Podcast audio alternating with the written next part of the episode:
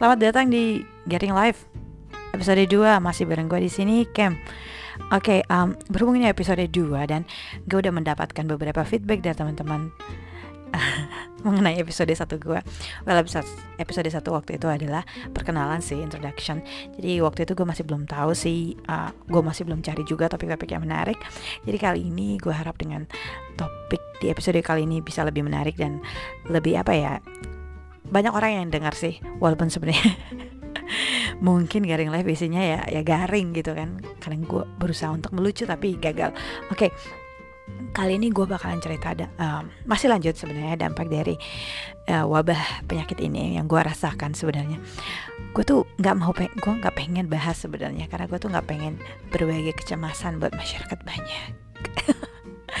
Tapi gue bakalan bagi dari um, bagi experience atau pengalaman gue dari sudut pandang yang agak beda ya. Karena yang pertama kemarin gue bahas tentang bagaimana wabah ini menyebabkan gue untuk pindah kuliah online. Yang berikutnya adalah wabah ini juga membuat gue harus pindah rumah. Pindah rumah, geng. Well, it's not pindah rumah sih, lebih ke arah pindah kamar. Jadi sebelumnya tuh gue tinggal di uh, apa ya? Uh, asrama asrama ciwi-ciwi. Ciwi-ciwi. Oke okay, gue tinggal is it asrama? Itu bukan asrama sih lebih kayak kayak apa ya? Akomodasi tempat tinggal di mana lo punya kamar sendiri. Uh, tapi lo masih uh, berbagi dengan teman-teman lain untuk menggunakan dapur ataupun ataupun uh, kamar mandi. Nah masalahnya itu adalah tempat akomodasi gue yang lama itu um, penghuninya itu hampir 60 lo bayangin aja hampir 60 dengan menggunakan satu du dengan menggunakan uh, dua dapur. Itu agak agak-agak berlebihan ya karena uh, itu membuat resiko buat tertular sangat besar. Karena banyak banget orang. Jadi masuk akal sih ketika mereka mutusin buat mindahin. Nah jadilah Eke pindah ke kamar baru. Kamar baru ini kita akomodasi gue yang baru ini uh, agak unik karena uh, dia sistemnya itu kayak satu lantai isinya tuh enam orang. Jadi kita di situ isinya enam orang. Eh sialnya gue guys. Gue tuh salah pilih salah pilih blok. Karena blok gue berisikan dengan makhluk makhluk yang tidak tahu diri bukan makhluk-makhluk tidak tahu diri sih. Sebenarnya berisikan orang-orang yang sebenarnya menurut gue tidak peduli dengan sesamanya. Jadi agak membuat gue uh, ngerasa gimana ya? Aduh was was ya was was. Was yang lebih parahnya lagi adalah tetangga gue adalah pasangan guys. Gimana lah meronta-ronta ini loh jiwa jomblo ini loh meronta-ronta.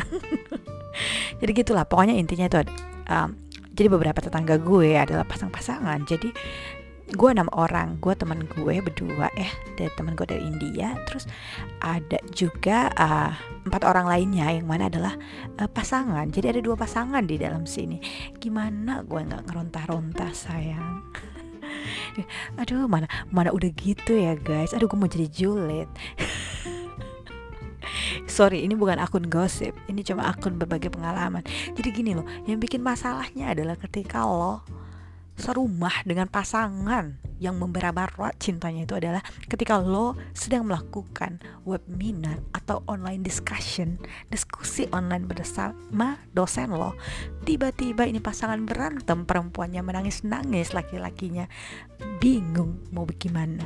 Jadi mereka tuh berantem guys. Ketika gue lagi webinar, bayangin aja bisa tak udah kita nggak pakai video kan jadi kalau webinar kan udah gue jelasin ya kita nggak pakai face to face kita lebih ke arah voice doang lu bayangin aja apa kata dosen gue ketika gue ngomong terus uh, sound apa ya back sound gue tuh orang lagi nangis. Tek, ah, tadi kira gue lagi nonton apa lagi kan?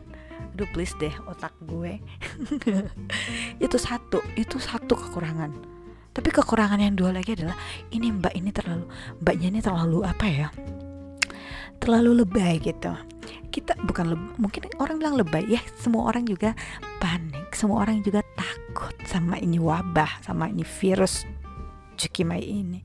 Tapi bukan berarti lo itu semena-mena juga careless gini loh maksud gue semena-mena gini jadi si mbak ini dia takut banget. Jadi dia kalau lihat orang langsung lari masuk ke dalam kamar. Which is okay. I mean bolehlah nggak apa-apa lah ya. Karena emang salah satu yang paling bagus untuk mencegah itu adalah ketika lo semua ber, mikir kalau semua orang udah kena berarti kita harus saling menghindari dong ya. Dia kena gue kena kita harus saling menghindari kita harus pisah ya. Jadi itu emang nggak apa-apa buat gue nggak apa-apa. Tapi nggak sampai nggak terlalu kayak drama banget gitu. Lihat orang langsung buru-buru cujuk-cujuk masuk dalam kamar kunci pintu. Itu satu. Tapi yang kedua yang paling heboh adalah ketika Simba ini ya si mbak ini itu terkejut sangat ketika salah satu masih juga tetangga gue. Jadi tetangga gue itu cuma pengen manasin makanan ya.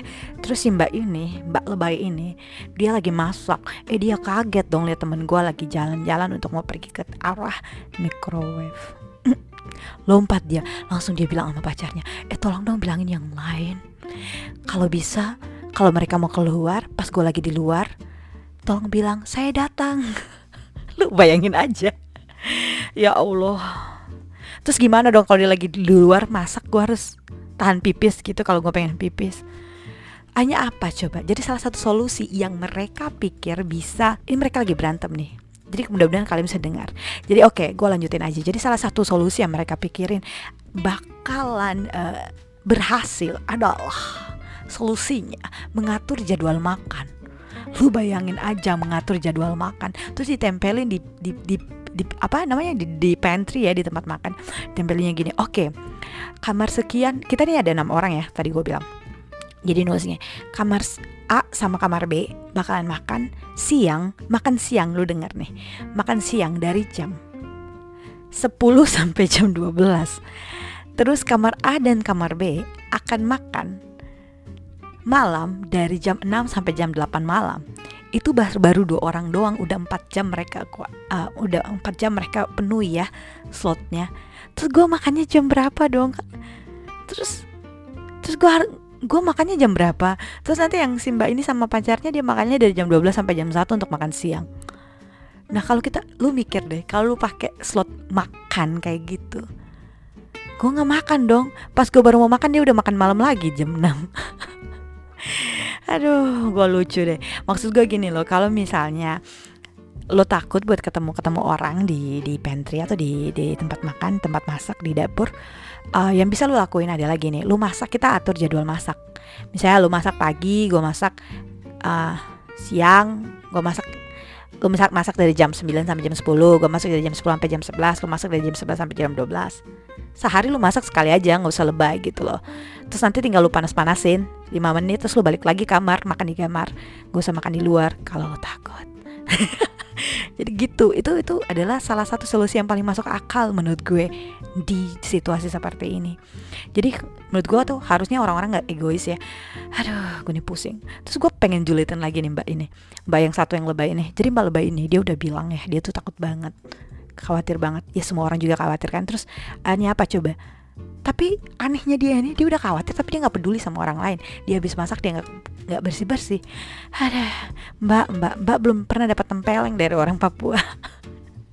Mbak belum pernah dapat cuki mai jadi Mbak masih bikin Mbak punya asik-asik.